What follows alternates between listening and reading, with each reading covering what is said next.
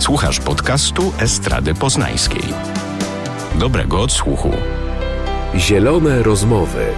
Zaprasza Sylwia Czubała. W dzisiejszym odcinku Zielonych Rozmów porozmawiamy o animacji kulturowej, animowaniu lokalnych wspólnot oraz o nieco sztywnie brzmiącej metodzie pracy w środowisku lokalnym, jaką jest OSL, czyli Organizowanie Społeczności Lokalnych. Aby nie pozostawać jedynie w teoretycznych rozważaniach, skupimy się także, czy, czy może przede wszystkim na praktyce, szczególnie na działaniach realizowanych w dzielnicy Fyrtel Główna. A moim gościem jest dzisiaj Daniel Stachuła. Dzień dobry. Menadżer i animator kultury, pedagog teatru, opiekun procesów twórczych, bardzo ładne określenie, współtwórca Stowarzyszenia Młodych Animatorów Kultury, które prowadzi Fyrtel Główna, przestrzeń kultury, sztuki, edukacji i integracji sąsiedzkiej na Poznańskiej Głównej.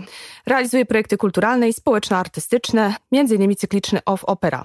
Daniel, Czym dla Ciebie jest animacja kultury? Myślę, że to jest bardzo trudne pytanie na sam początek. Czym jest animacja kultury? I pewnie można by o tym mówić całkiem sporo, całkiem długo i całkiem obszernie, ale dla mnie jakoś kluczowe w w pojęciu animacji kultury od takiej strony teoretycznej, ale też tak jak wspomniałaś, właśnie od takiej, z takiej perspektywy praktyka, jest to, że animacja kultury, jak źródło słów tego słowa wskazuje, z języka łacińskiego animo, animare, czyli ożywiać. I to ożywianie przestrzeni, ożywianie miejsc, ożywianie ludzi, wprawianie czegoś w ruch, jest, wydaje mi się, słowem kluczem, jeśli chodzi o animację kultury, czy w ogóle o animację, animację społeczno-kulturową, mm, animację społeczną czy animację kulturową, bo pewnie jakieś takie mm, podziały można by, można by tworzyć, ale wydaje mi się, że to będą podziały czysto teoretyczne, bo jednak jako animatorzy i animatorki pracujemy rozmaitymi metodami, wykorzystujemy różnorodne narzędzia. Najczęściej są to narzędzia, które kształtują się gdzieś na pograniczu, to są narzędzia, które dotykają różnych dyscyplin i dziedzin wiedzy, e, i one są po prostu przez nas, mam nadzieję przynajmniej, twórczo filtrowane i właśnie e, używane do tego, aby wprawiać w ruch. Wydaje mi się w ogóle, że, ta, mm, że to wprawianie w ruch jako pewnego rodzaju metafora czy symbol może być wieloznacznie interpretowane i to mi się też w animacji kultury podoba to, to wprawianie w ruch. No właśnie, bo tam jest taka kwestia związana z samym nazewnictwem. Ja kiedyś, bardzo dawno temu, też używałam takiego pojęcia jak animacja kultury. I gdzieś e, w przestrzeni moich takich doświadczeń zawodowych pojawiła się wspaniała teoretyczka Marta Kosińska, która e, wymyśliła swoją definicję. I, i to, ta definicja gdzieś tam też jest e, taka jakby powszechna, czyli jakby ona to określiła mianem animacji kulturowej jednak. Co z góry nam zakłada, że to nie jest wchodzenie z pewnym programem kulturalnym w takim rozumieniu, że wchodzimy w przestrzeń, w której tej kultury nie ma, tylko jest to animacja przestrzeni, w której jest kultura, tylko należy ją jakoś tam wydobyć i się do niej odwołać. Jak ty to rozumiesz? Że no, dla mnie, znaczy, myślę, że podstawową rzeczą w tym rozróżnieniu, które proponujesz e, za Kosińską, jest to, żeby, żeby zdefiniować sobie kulturę, bo jeśli kulturę będziemy definiować tylko i wyłącznie jako pewne zjawiska artystyczne, co jest bardzo wąskim rozumieniem kultury, to rzeczywiście to pojęcie animacji kultury wówczas będzie miało taki charakterek trochę kolonialny, tak mi się wydaje, takiego wchodzenia, przeszczepiania i wprowadzania czegoś odgórnie do konkretnej społeczności, do konkretnej przestrzeni czy szerzej do jakiejś czasoprzestrzeni właśnie, w której, w której te, tenże animator czy też animatorka się znajdują. Natomiast jeśli tę kulturę będziemy definiować e, w sposób e, stosunkowo szeroki, jako wszelkie przejawy aktywności ludzkiej, konkretnej przestrzeni. Znaczy, tworzę sobie teraz taką definicję kultury pewnie ad hoc, na bieżąco, ale myślę, że to po, pojmowanie kultury w najszerszy możliwy sposób jest e, bardziej płodne i twórcze. I wówczas ta animacja kulturowa no pewnie będzie lepszym, po prostu lepszym określeniem. No tak, bo, bo ta animacja kultur lokalnych stała się y, ostatnimi czasy dosyć popularna. Miasto Całe Poznań, też, Miasto Poznań też realizuje taki program, który się nazywa Cile Lokalne, tak? czyli Centra Inicjatyw Lokalnych i wy również powołaliście taki, takie Centrum Inicjatyw Lokalnych. Czyli jest to taka praca w środowisku lokalnym, e, na tych zasobach i, i, tym konkretnym potencjale środowiska, który tam się znajduje. Czyli to jest, polega jakby na takiej aktywizacji społecznej, ale też w takim rozumieniu, że nie robimy tylko dla tej społeczności, ale też z tą społecznością. To znaczy wciągamy ich również w proces jakby przygotowywania pewnych działań, a nie tylko jako takich biernych odbiorców. Wydaje mi się, że to też jest takie mm, interesujące przesunięcie. Wydaje mi się, że te, te przyimki, o których ty wspominałaś, czyli dla i z, są tutaj kluczowe, jeśli chodzi o pracę może nie tyle o animację, czy w ogóle o jakąś pracę ze społecznością lokalną. I właśnie to, że wydaje mi się, że to jest istotne, że powiedziałem, o, że chodzi o pracę ze społecznością lokalną, a nie pracę dla społeczności lokalnej, bo wtedy, kiedy, kiedy rozumielibyśmy te inicjatywy lokalne, jak nazwa tego programu wskazuje, właśnie jako pewne wydarzenia organizowane, realizowane, produkowane, postprodukowane, etc. dla tej konkretnej społeczności, to trochę wracamy do tego punktu wyjścia rozumienia kultury jak y, w wąskim znaczeniu i wprowadzania jakichś wydarzeń e, do społeczności. Natomiast, tak jak e, zauważyłaś, ta praca ze społecznością, ale też praca poprzez społeczność polega na odkryciu zdiagnozowaniu w gruncie rzeczy pewnych zasobów i potencjałów, które tkwią w konkretnej społeczności e, lokalnej, która jest skupiona na jakimś, trochę naukowo to będzie wszystko brzmiało, która jest skupiona na jakimś terytorium, który, czy, czy, czy na jakimś obszarze, która ma takie, a nie inne cechy, takie, a nie inne problemy i potrzeby. I te cztery płaszczyzny diagnozy społeczności lokalnej są kluczowe, czyli zasoby i potencjały oraz problemy i potrzeby. Jeśli to jesteśmy w stanie zdiagnozować, zapisać, opracować sobie, to wówczas wiemy, w jaki sposób możemy pracować z tą konkretną społecznością, a także w jaki sposób animować tę społeczność po to, żeby ona sama pracowała ze sobą. Jeśli do takiego momentu dojdziemy, a wydaje mi się, że jest to w ogóle wielo, totalnie wieloletnia perspektywa, to znaczy, że nie da się tego zrobić e, na pstryknięcie e, palcami i to nie jest proces, który potrwa rok czy dwa.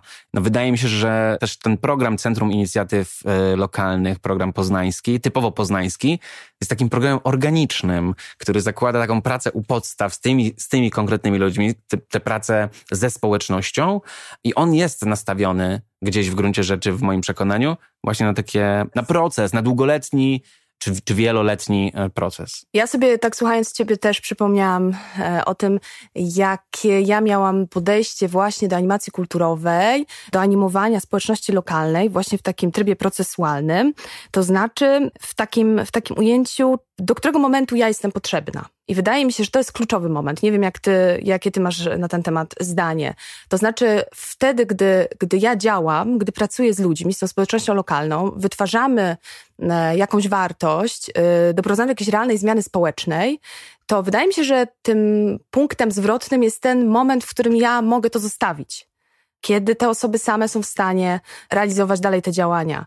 Mieliśmy takie przypadki, miałam, jak realizowałam właśnie projekt Bloki Animacji, który robiłam tutaj w ramach festiwalu Animator w Estradzie Poznańskiej, e, że przez 2-3 lata pracowałam z grupą dzieciaków, które finalnie same zaczęły wydarzenia organizować na swoim osiedlu dla mieszkańców. To przyciągnęło w ogóle więcej ludzi, to przyciągnęło młodzież, tak? Jakby wydaje mi się, że po prostu oni zyskali poczucie sprawczości. E, to też jest takie, wydaje mi się, istotne w animacji kulturowej. Czy wydaje mi się, no, czy to poczucie sprawczości, samo, ale też takie pojęcie samoorganizacji właśnie tej społeczności lokalnej, no to są jakieś dwa, tak jak zauważyłeś, dwa kluczowe, wydaje mi się, pojęcia związane z takim oddawaniem odpowiedzialności, czy współodpowiedzialności, czy kształtowaniem tej współodpowiedzialności za życie tak naprawdę w szerokim znaczeniu tejże konkretnej społeczności. My sobie to w smaku w Stowarzyszeniu e, Roboczo nazywamy dystrybucją odpowiedzialności. To znaczy, że od pewnego momentu w tym programie działając w programie Centrów Inicjatyw Lokalnych, coraz bardziej przesuwamy te granice odpowiedzialności za zorganizowanie, zorganizowanie jakiegoś wydarzenia, za przeprowadzenie czegoś, za rozmowę, za posieciowanie kogoś z kimś, za spotkanie i tak dalej, i tak dalej. Tych przykładów pewnie można by mnożyć. Stopniowo, tak naprawdę odsuwając od siebie tę odpowiedzialność, a przesuwając te granice w stronę liderów i liderek społecznych yy, z głównej. I jest to związane równocześnie z wynagrodzeniem, tejże pracy? Czy jest to związane z wynagradzaniem? Jeśli chodzi o perspektywę budżetową w tegorocznym programie, to niestety nie jest to związane z wynagradzaniem tejże społeczności. Natomiast w zeszłym roku udało nam się część wynagrodzenia przeznaczyć między innymi na obsługę, w cudzysłowie, biblioteki sąsiedzkiej, czyli jednej z inicjatyw, inicjatyw zrealizowanej właśnie przez mieszkanki i mieszkańców e, głównej, właśnie to wynagrodzenie było za pracę podczas e, realizacji, czy jakby obsługi tak naprawdę już tej biblioteki, czyli wypożyczeń i zwrotów książek. Więc na tyle, na ile nam się to udaje, to staramy się to również finansowo realizować. Wspomniałeś o stowarzyszeniu. Powiedz coś więcej, kiedy ono powstało, czym się zajmuje generalnie? E, nasze stowarzyszenie, Stowarzyszenie Młodych Animatorów Kultury, w skrócie SMAK, choć zastanawiamy się, choć zastanawiamy się, że muszę się, właśnie zastanawiamy się nad tą nazwą, co z tą literką M po pewnym czasie powinno się, powinno się stać. Ja jako ostatni mm, teraz z, z, z członków i członkiń stowarzyszenia przekroczyłem taki magiczny próg. Nie wiem, czy to był próg młodości i doj, dojrzałości, czy jeszcze nie. Nie będę zdradzał w każdym razie. Prawdopodobnie ta nazwa będzie jak, jakiś modyfikacjom ulegała, ale no, stowarzyszenie działa od 2014 roku, czyli wtedy, kiedy je zakładaliśmy, rzeczywiście byliśmy młodsi, to na pewno. Byliśmy jeszcze na studiach. Albo byliśmy studentami, albo byliśmy świeżo upieczonymi absolwentami poznańskich uczelni, Akademii Muzycznej, UAP-u, UAM-u, a nawet Uniwersytetu Ekonomicznego. I zrzeszamy, zrzeszaliśmy i zrzeszamy dalej, no właśnie, animatorów, animatorki kultury, menadżerów, menadżerki. Zajmujemy się tak naprawdę mm, w, w, aktualnie takimi dwiema, takimi dwoma obszarami czy dwiema płaszczyznami. Jedna z nich to jest właśnie animacja kulturowa, szczególnie mocno zaczepiona o społeczność lokalną głównej. Natomiast drugim obszarem jest projekt społeczno-artystyczny, projekt, od którego tak naprawdę rozpoczęła się przygoda ze stowarzyszeniem, czyli mm, projekt Off Opera, w którym teatr operowy jest przez nas rozumiany nieco odmiennie niż standardowo się pojmuje go jako kulturę tak zwaną wysoką, oderwaną może momentami od rzeczywistości, elitarną i absolutnie ekskluzywną. Dla nas ten teatr operowy jest trochę sposobem myślenia o rzeczywistości artystycznej, ale też przede wszystkim zderzaniem rozmaitych dziedzin sztuki wobec siebie i obserwowaniem tych wyników często eksperymentalnych działań artystycznych ze społecznościami.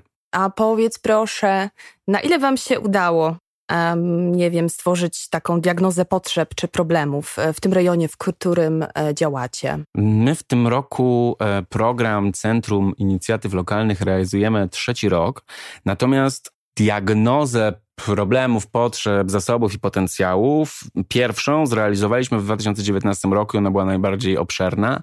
Rok 2020 przyniósł znaczącą zmianę w, we wszystkim w zasadzie. Pewnie nie muszę mówić dlaczego ale też przyniósł znaczące zmiany w społecznościach, w tym w naszej społeczności. Ta diagnoza potrzeb, diagnoza problemów, też zasobów, ona jest dla nas naprawdę kluczowym dokumentem, bo za każdym razem, kiedy zastanawiamy się nad realizacją inicjatyw, nad realizacją czy organizacją jakichś wydarzeń ze społecznością, to odnosimy się do y, tej diagnozy, którą stworzyliśmy i zastanawiamy się, w jaki sposób to, co aktualnie planujemy, może odpowiadać na ten problem ten konkretny problem zdiagnozowany, albo w jaki sposób może zaspokajać choćby częściowo potrzebę e, zdiagnozowaną wcześniej. I tak na przykład, no główna jest dość specyficznym obszarem, też bardzo stereotypowo, znaczy przynajmniej dla mnie, ja, ja odnoszę takie, będę mówił tylko za siebie, ja odnoszę takie wrażenie, że w głowach poznaniaków i poznanianek główna, tkwi jakiś taki mocno zakorzeniony stereotyp głównej, jako dzielnicy nie do końca bezpiecznej, w której łatwo dostać wciry, po, mówiąc po poznańsku, dzielnicy, w której mamy do czynienia z nagromadzeniem różnego rodzaju patologii społecznych, problemów i dysfunkcji. I muszę przyznać, że sam jestem mieszkańcem głównej od trzech lat, od trzech i pół, stąd w ogóle wziął się pomysł na to, żeby próbować jakoś działać w tej dzielnicy. I absolutnie ani razu nie poczułem się zagrożony, spacerując za dnia czy w nocy po tej dzielnicy. Więc e, myślę, że też nasze działania są w pewien sposób ukierunkowane na zmianę takiego społecznego myślenia o tej społeczności, trochę od środka, bo trochę te stereotypy tkwią też w głowach samych mieszkańców głównej. A kiedy oni, mieszkańcy i mieszkanki, zobaczą, że można robić fajne rzeczy wspólnie razem. Niech to są na początek 3-4 osoby, ale zrobią coś razem i zobaczą tego efekt. Może następnym razem będzie tych osób 5 albo 7. I to jest totalnie mega sukces, jeśli w pracy ze społecznością takie rzeczy się wydarzają. Stworzyliście też takie archiwum e, dzielnicy. E, widziałam bardzo ładna, to jest strona internetowa z fajnymi filmami. Czy, czy mieszkańców, mieszkańców jakoś skonfrontowaliście z wynikami tego archiwum? Czy oni jakoś w tym też brali udział? Jakby tak, już za moment odpowiadam Ci na to archiwum, na pytanie o to archiwum, ale jakby wcześniej chciałbym dookreślić, co my tak naprawdę tam na tej głównej robimy, bo oprócz tego, że prowadzimy CIL, to prowadzimy też trzy inne projekty pod tym wspólnym brandem właśnie Fyrtla Główna. Brandem, czyli, ma, czyli z, jednej, z jednej strony mamy w zasadzie no, e, na ten brand, czy ten brand, czy ta marka, czy to miejsce, czy ta przestrzeń, jak będziemy to określać, chodzi o to, żeby on jakoś zakotwiczył się w świadomości z jednej strony mieszkańców, ale też jakby lokował pewnego rodzaju mm, działania i wydarzenia na mapie Poznania. Więc jeśli mówimy o Fyrtlu Główna, to wiemy o, o, o, jakiej dzielnicy mówimy, wiemy gdzie się mniej więcej znajdujemy i w ramach tej przestrzeni właśnie kultury, sztuki, edukacji i integracji sąsiedzkiej realizujemy program CILowy, ale realizujemy też e, program dofinansowany z Ministerstwa Kultury, e, Społeczne Centrum Kultury, które jest współtworzone przez mieszkańców i mieszkanki jedna z inicjatyw, czyli Biblioteka Sąsiedzka, trochę się oderwała i usamodzielniła i jest tworzona przez Hańców i to jest jakby kolejna rzecz, która się na to składa. I właśnie archiwum, o które wspominasz, archiwum dzielnicy, to jest takie, taka wycieczka w przeszłość, ale nie tylko taką przeszłość historyczną, bo przede wszystkim taką przeszłość związaną z pamięcią mieszkańców i mieszkanek, z taką też związaną z pamięcią zbiorową, e, z a z tym z kolei wiąże się pojęcie tożsamości zbiorowej, czy tożsamości dzielnicy, przestrzeni. To są w ogóle jakieś totalnie fascynujące, dla mnie to jest totalnie fascynująca tematyka. I podczas tworzenia archiwum, owszem, mieszkańcy i mieszkanki brali i brały udział w tworzeniu tego archiwum, bo tak naprawdę część zbiorów e, zdigitalizowanych fotografii pochodzi z ich prywatnych albumów, almanachów. I to było mm, niesamowite, że część z nich chciała się tym tak bardzo mocno podzielić i pokazać światu, żeby inni mogli spojrzeć na to, jak, jak ta dzielnica wyglądała, czy wygląda w pamięci e, mieszkańców, jak ta dzielnica się zmieniała na przestrzeni lat, jak ona ewoluowała, jak o tej dzielnicy myślą, jak, jak te dzielnice pamiętają mieszkańcy, którzy mają teraz 90 lat, a jak pamiętają ją ci, którzy mają teraz lat 30 i mieszkają tam od urodzenia. I to zderzanie tych różnych perspektyw jest czymś niezwykle inspirującym i takim zachęcającym do eksploracji wciąż tych tematów, szukania kolejnych ścieżek tematycznych, bo też zdradzę, że w, w przestrzeni tego archiwu, cyfrowego archiwum dzielnicy można wybrać się w taką wirtualną wycieczkę albo szlakiem wodnym, albo szlakiem związanym z przestrzenią, urbanistyką i architekturą głównej, więc e, zachęcam. Czyli e, mieszkańców włączacie w te wasze działania jak najbardziej. Jaki odbiór jest generalnie e, waszych działań w tym rejonie? Jak wiele osób udaje się włączyć w te, w te te działania. E, jakbyś mógł też przybliżyć, jakiego typu są to na przykład wydarzenia czy inicjatywy? Um, ja się w ogóle zawsze zastanawiam, jako, kiedy identyfikuję się i opowiadam jak, o czymś jako animator kulturowy, o tym, co to znaczy ten sukces frekwencyjny, nie? że to jest jakieś w ogóle strasznie... Nie pytam o sukces nie, nie, nie, frekwencyjny, bo jakby... ja doskonale wiem, że takie zazwyczaj są wymogi różne wnioskowe i tak dalej. Wnioskowe, tak projektowe i tak dalej. Tak, nie? Tak. Że ale obraz... też nie ma przełożenia na jakby y, rzeczywistość w tym sensie, że czasami wydarzenia robione w małych grupach odbiorczych y, przynoszą więcej, nie? Jakieś y, dobre... Tak, znaczy wydaje mi się, że w ogóle przeważnie tak jest, że wtedy, kiedy pracuje się w małej grupie kameral... Mhm. w, kamera... w, ka... w kameralnym po prostu środowisku, jesteśmy w stanie więcej jakościowo uzyskać, e, a nie jakoś przejmować się tymi wskaźnikami ilościowymi, nie?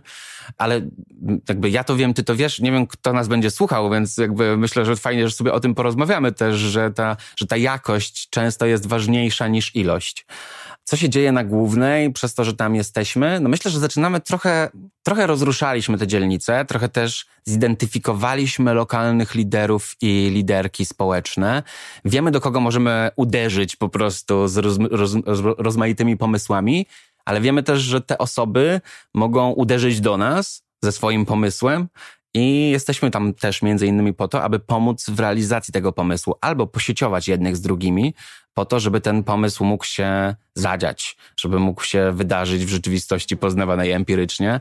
No nie wiem, na, naszą dumą jakąś jest ta, e, wrócę, jest ta biblioteka, nie będę już za, już, już za moment przystanę i nie będę o tym mówił, ale mm, to jest taki wydaje mi się, modelowy e, przykład tego, w jaki sposób ta diagnoza mm, może pozytywnie zadziałać na realizację później konkretnych działań.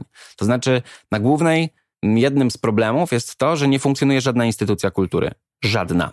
Co więcej, na głównej nie, nie, nie funkcjonuje żadne miejsce, w którym ludzie mogliby się spotkać towarzysko.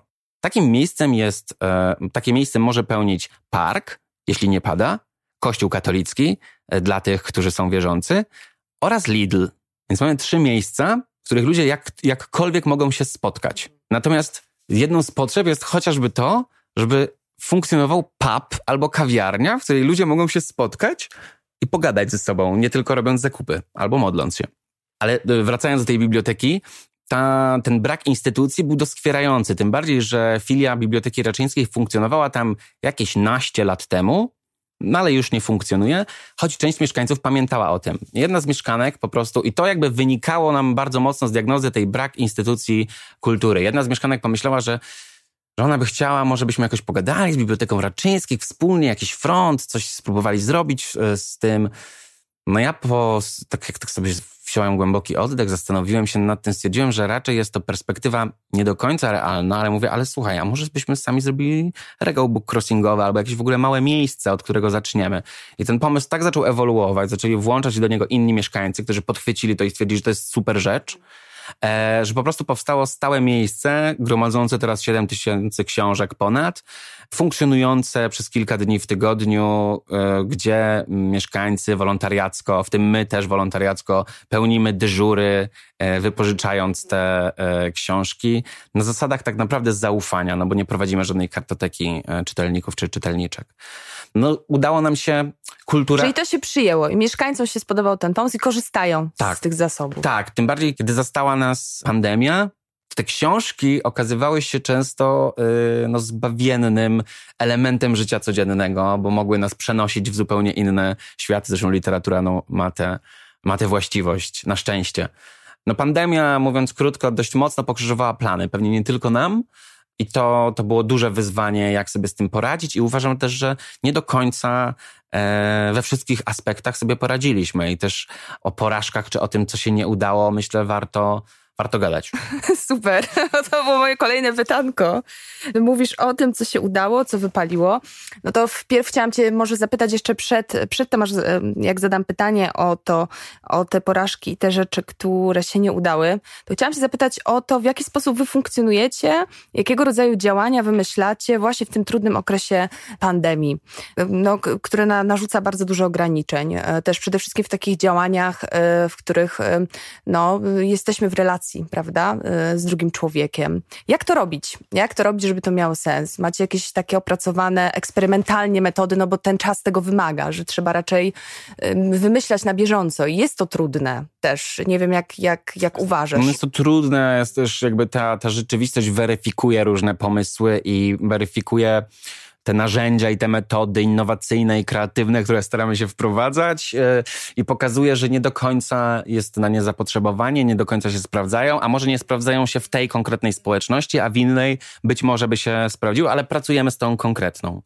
Ja sobie myślę, teraz e, boję się tego, co, co chcę powiedzieć, ale, ale powiem, że pierwszy rok pandemii pokazał nam, że warto próbować działać nie tylko w online i szukać metod spotkania nawet jeden na jeden, nie bacząc na wskaźniki ilościowe, bo mm, jedną z takich podstawowych potrzeb, co aktualizacja diagnozy 220 nam pokazała, jest potrzeba spotkania w rzeczywistości, dotknięcia się, co jest jakoś z jednej strony mm, przerażające, a z drugiej jakoś tak motywujące do tego i takie mm, motywujące nas, animatorów, do tego, że kurczę, no to stwórzmy takie warunki i takie możliwości, żeby to spotkanie mogło zaistnieć, nawet na ławce pod blokiem, ale żebyśmy mogli usiąść ze sobą i ze sobą normalnie porozmawiać. Oddalić się od siebie na dwa metry, zdjąć maski i uśmiechnąć się do siebie.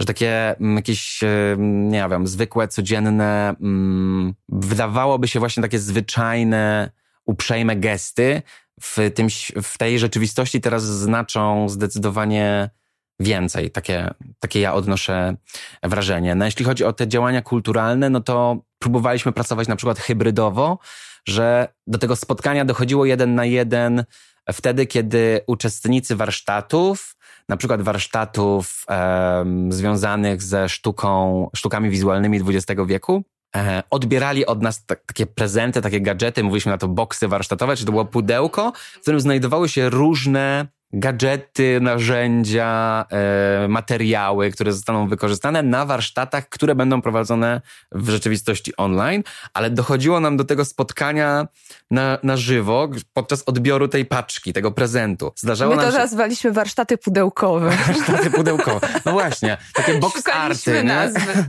Jak mamy dietę pudełkową, to czemu nie warsztaty pudełkowe?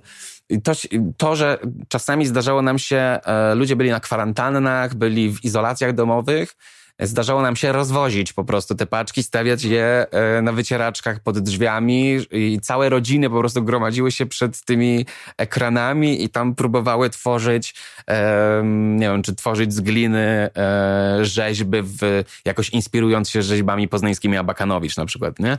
Więc tak, takie sposoby jakoś były wprowadzane, no bo one tworzyły jak namiastkę normalności. Ale wszyscy jakoś, kiedy sobie odgadywaliśmy to, kiedy ewo, mm, robiliśmy jakąś taką cząstkową e, e, ewaluację tych działań, no to to, to, że mamy do czynienia z jakimś ekwiwalentem, albo że mamy do czynienia z jakąś właśnie namiastką, jakby te określenia same w sobie bardzo mocno waloryzujące pokazywały nam, z czym tak naprawdę, w jakiej sytuacji jesteśmy. To znaczy, myślę, że to też właśnie zależy od perspektywy, bo e, my żeśmy też realizowali taki projekt właśnie związany z tymi warsztatami pudełkowymi i tak naprawdę pewne rzeczy trafiły do 90, nawet do 100 osób. Nie? Ja też pracuję z seniorami na co dzień, to jest taka setka seniorów z osiedla Chrobrego i myśmy przekazali im takie materiały do samodzielnego zbudowania takiej ozdoby świątecznej. I tak naprawdę, tak jak ty mówisz, wy podwoziliście pod drzwi, a my zrobiliśmy punkt odbioru, ponieważ tym seniorom bardzo zależało właśnie na tym fizycznym kontakcie, o którym ty mówisz. To znaczy nawet ten moment, kiedy można sobie przekazać życzenia świąteczne, odebrać tą paczkę, a przy okazji wracając spotkać inną koleżankę, która też mieszka w tym samym bloku, był ważniejszy niż sama ta paczka, prawda? I sam ten jakby to działanie. Więc to był tak naprawdę mm, tylko taki pretekst w sumie do tego, że ci ludzie naprawdę bardzo chcą, chcą działać i, i nie chcą być w zamknięciu. I, I, że tak naprawdę też mam taką jakby finalną refleksję, e, że u mnie na przykład nie wypalały takie warsztaty online, w których ludzie siedzą i coś tam wykonują. Ćwiczenia też takie online, jakieś myślę sobie o gimnastyce, e, jest to trudne. Ja myślę, że jest to trudne dla oczywiście tej społeczności, która musi się na nowo do tego przyzwyczaić, jest to dla nich coś zupełnie nowego. Ale ja mam teraz taką, nie wiem, czy, czy podzielasz to, to zdanie, że to jest też bardzo trudne dla nas, ponieważ tak naprawdę narzuca nam wypracowanie zupełnie nowych formuł pracy. Jakby, wiesz, ja jako animatorka kulturowa jestem przyzwyczajona do tej pracy po prostu z drugim człowiekiem, którego widzę, z którym jestem blisko. Natomiast tutaj jest to taka dodatkowa praca, która po prostu nie zawsze popłaca. No, trochę tak jest, trochę masz rację pewnie w tym wszystkim. Ja myślę, że no, e, ja się zgodzę z tym, co, co z, tą, z, tym, o czym mówiłaś w pierwszej części swojej wypowiedzi, to znaczy z tym, że wcale nie chodziło o ten warsztat, tylko chodziło o spotkanie, bo tak naprawdę animatorzy i animatorki kulturowi pracują na relacjach. To też jest dla mnie jako pedagoga teatru bardzo ważne, że to jest praca tak naprawdę ten teatr jest metaforą po prostu pewnej relacyjności czy pewnych relacji pomiędzy ludźmi. I myślę, że tutaj oczywiście można pewnie to nazywać albo jakimś takim zapleczem pedagogiczno-teatralnym, można to nazywać zapleczem animatorsko-kulturowym i pewnie gdzieś to się w ogóle przenika i uzupełnia i zazębia nawzajem. Natomiast to, że pracujemy na relacjach bardziej niż na efekcie, jest w ogóle no, jakimś kluczem, który trzeba mówić o tym głośno wszędzie i każdemu i każdej, bo y, często po prostu ci animatorzy kultury, kiedy, czy, czy kulturowi, którzy mm, jakby ktoś zderza się z takim określeniem, czy to jest kto? Taki, taki kaowiec z misia, czy kto, kto to jest, nie? Ten, Ale to jest fajne, ten ja kulturalno-oświatowy. No pewnie tak, pewnie taka perspektywa też jest spoko, natomiast jakby to pokazywanie, że, że właśnie o te relacje też w tej kulturze chodzi, że czy mamy w ogóle do czynienia z kulturą relacji, teraz trochę zerwanych albo odmienionych trochę, jeśli chodzi o medium tych relacji, ale wciąż, y, wciąż y, ta relacyjność jest, y, jest ważna, jest istotna. No, to co powiedziałeś jest faktycznie kluczowe. E, zawsze też tak mówię, że pracuję na relacjach, a jeżeli chodzi o, o, o kwestię, no właśnie te, tego nazewnictwa samego. Kiedyś sobie wymyśliłam, że jestem wodzirejką. co na przykład w tej mojej społeczności, w której pracuję, zostało bardzo podchwycone i to jest jakby dla tych osób słowo animator kulturowy jest, jest dosyć obcym z, z takim sformułowaniem. Wodzirejka, szefowa, Kierowniczka, kierowniczka. Kierowniczka, tak, właśnie. Nawet nie szefowa, kierowniczka. To są takie określenia, ja zawsze oczywiście jak tak ktoś do mnie mówi, to się tak śmieję troszeczkę i, i tak, no, no jest to dosyć zabawne. Natomiast wtedy mam poczucie, że zarówno ja, jak i ta druga osoba, z którą ja działam i pracuję, nadajemy na tych samych falach, że oni jakby, że, że wiemy, na czym to tak naprawdę wszystkim polega.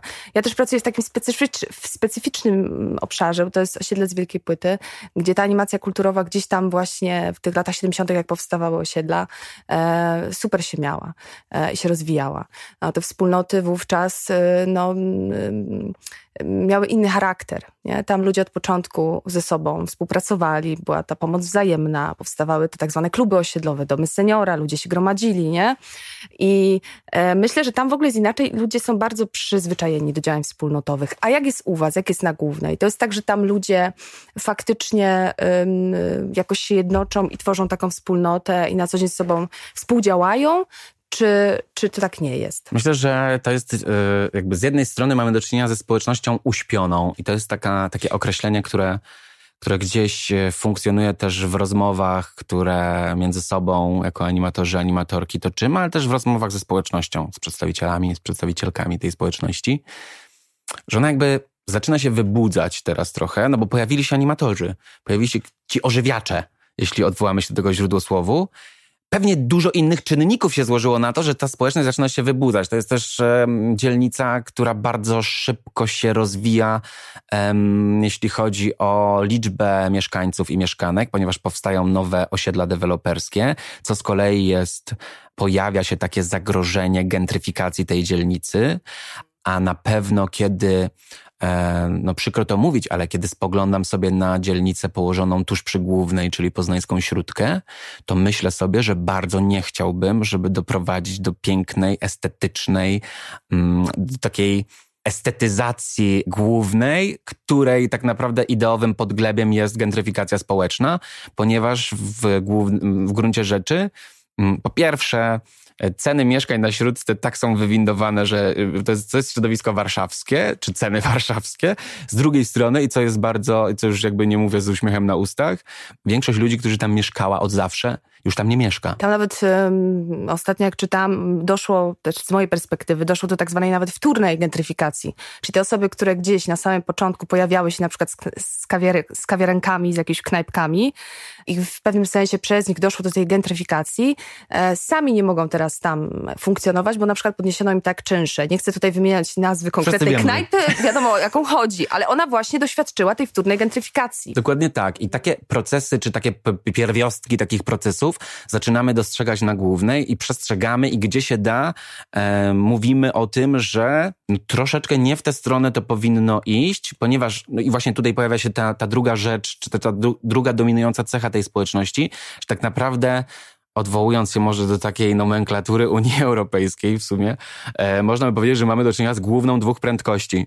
Że mamy z, e, do czynienia z główną, z tak zwaną starą główną, czyli tymi e, mieszkańcami i mieszkankami kamienic, e, tych, ci, którzy mieszkają tam od przysłowiowego w cudzysłowie zawsze, oraz tymi, którzy przeprowadzili się do osiedli deweloperskich, często grodzonych i odgrodzonych od reszty dzielnicy. Na szczęście pojawiają się też takie osiedla, które nie są grodzone. No ja też nie będę ukrywał, że ja jestem takim mieszkańcem. Ja jestem osie mieszkańcem osiedla deweloperskiego, ponieważ tam mam mieszkanie. Natomiast na szczęście to po pierwsze jest e, osiedle niegrodzone i to było dla mnie bardzo ważne przy zakupie mieszkania.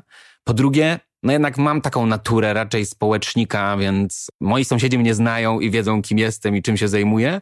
Natomiast wiem, że często, i to też obserwuję, między innymi w swoim bloku, nowym, pięknym, ładnym, pochwalonym przez y, krytyka architektury, że ludzie się po prostu między sobą nie znają, nie chcą się nawet poznać, nie chcą się integrować, nie chcą poznawać historii miejsca, w którym funkcjonują, nie chcą doznawać tej przestrzeni, w której są.